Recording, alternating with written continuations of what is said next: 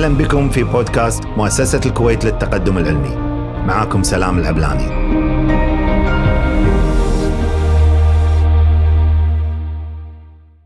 تحدثنا في اللقاء السابق عن مشروع ناسا الضخم في إطلاق تلسكوب جيمس ويب الفضائي. ونستكمل معكم تفاصيل هذا الحلم البشري غير المسبوق.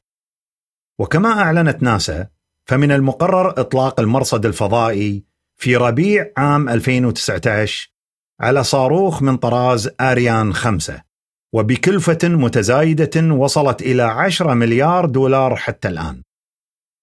وسيقوم مهندسو ناسا بإضافة نقطة التحام على المرصد بحيث يكون من الممكن استخدامها في المستقبل من قبل مركبة فضائية أخرى للالتحام بالمرصد في محاولة لإصلاح بعض أنواع الخلل في المستقبل. ولكن في المجمل فإن التلسكوب نفسه غير قابل للخدمة ولن يستطيع رواد الفضاء استبدال الأجهزة العلمية كما هو الحال مع تلسكوب هابل. وقد قدر علماء ناسا أن طول مدة المهمة لتلسكوب ويب هي خمس سنوات ولكنهم يأملون أن يستمر المرصد بالعمل لمدة عشر سنوات.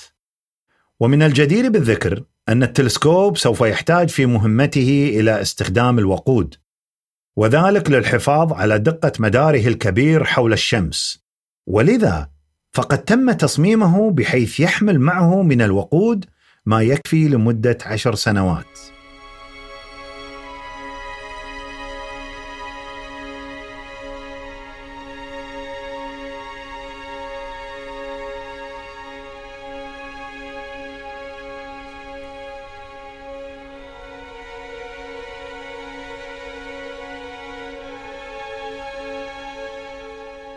إن فكرة إطلاق تلسكوب فضائي كبير يعمل بالأشعة تحت الحمراء ترجع في الحقيقة لعدة عقود مضت في الولايات المتحدة.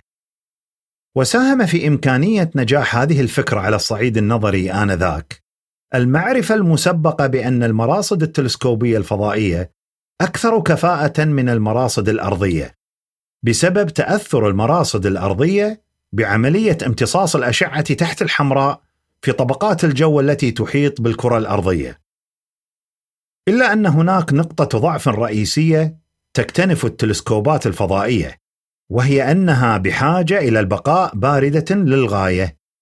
وكلما ازداد اعتمادها على التصوير باستخدام الأشعة تحت الحمراء كلما كان بقاؤها باردة جدا ضروريا. فإذا لم يتحقق هذا الشرط فإن حرارة جسم التلسكوب سوف تطغى على عمل أجهزة الكشف ما يسمى بالحساسات مما يؤدي إلى إصابة التلسكوب بالعمل فعلي.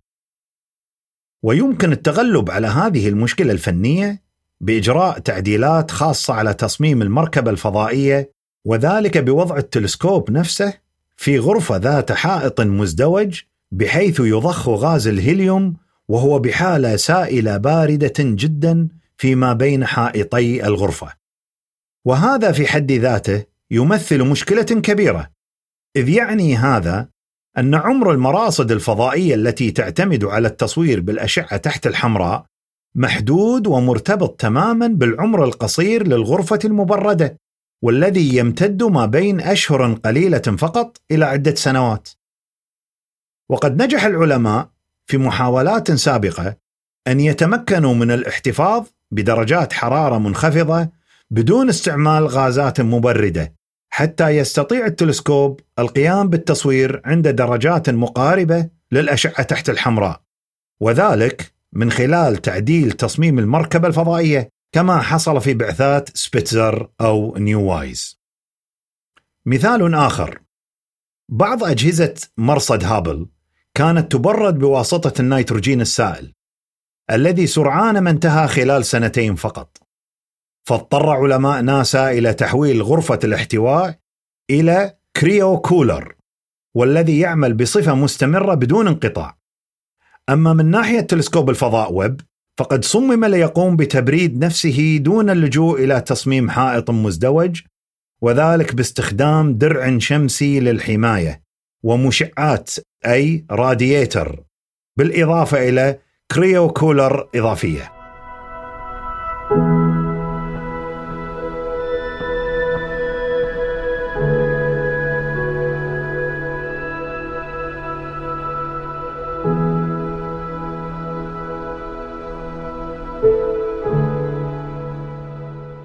لتلسكوب ويب أربعة أهداف رئيسية وهم أولا البحث عن الضوء الذي انبعث من النجوم والمجرات الأولى التي تشكلت في الكون بعد الانفجار العظيم. ثانيا دراسة تشكيل وتطور المجرات. ثالثا فهم تكوين النجوم والمنظومات الكوكبية. ورابعا دراسة المنظومات الكوكبية للوصول إلى فهم لأصل الحياة. ولذا فإنه من الممكن تحقيق هذه الأهداف بشكل أكثر فاعلية عند استعمال مرصد مثل تلسكوب ويب يعمل بالأشعة تحت الحمراء مقارنة بالمراصد التي تعمل بالضوء العادي والأشعة فوق البنفسجية مثل تلسكوب هابل. يعتبر تلسكوب ويب الجيل اللاحق لتلسكوبي هابل وسبيتزر وهو حتما سيتفوق عليهما بشكل كبير من حيث القدرة على رصد عدد أكبر من النجوم والمجرات القديمة. وهذا التفوق يأتي من تقنية استعمال الأشعة تحت الحمراء التي لها القدرة على اختراق حجب الغبار والغازات التي تملأ الغلاف الجوي للأرض والتي يستطيع التلسكوب كذلك عن طريقها رؤية الأجرام الكونية الخافتة اللون والباردة. فكلما كان الجرم الكوني أكثر بعدا عن كوكب الأرض كلما بدا أصغر سنا. وذلك لأن الضوء يأخذ وقتا أطول للوصول إلى المراقبين على الأرض. ولأن الكون آخذ في التوسع يميل الضوء القادم من تلك النجوم والأجرام الكونية إلى منطقة امتصاص الأشعة تحت الحمراء فبالتالي يسهل اكتشافها ورصدها بواسطة تلسكوب ويب. والذي من المتوقع أن يكون لديه القدرة على رصد الضوء القادم من مسافات موغلة في البعد لدرجة الرجوع بالزمن إلى 100 مليون سنة فقط بعد الانفجار العظيم. لرؤية المجرات الأولى وهي تتشكل.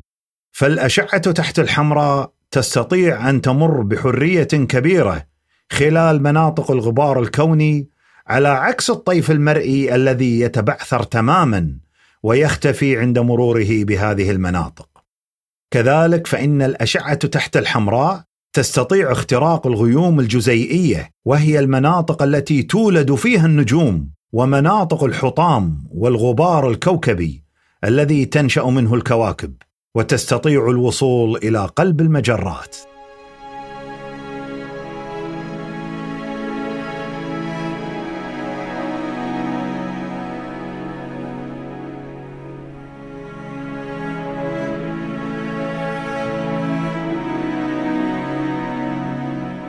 ومع ترقب العالم لهذا الحدث الكبير فإن عامل الخطورة كبير جدا وعنصر المغامرة القاتلة موجود وبقوة. فهل سينجح صاروخ آريان بالانطلاق إلى غلاف الفضاء الخارجي للأرض؟ وهل ستنجح المركبة الفضائية بالوصول إلى نقطة التعادل الجذبي L2 وهل سيستطيع تلسكوب ويب الفضائي من نشر الدرع الشمسي الواقي من جانب والمرآة العملاقة من جانب آخر؟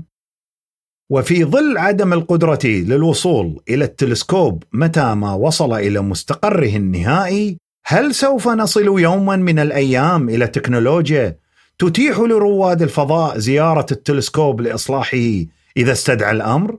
كل هذه الأمور تدور حاليا في ذهن القائمين على البرنامج في ناسا وفي ذهننا نحن أيضا.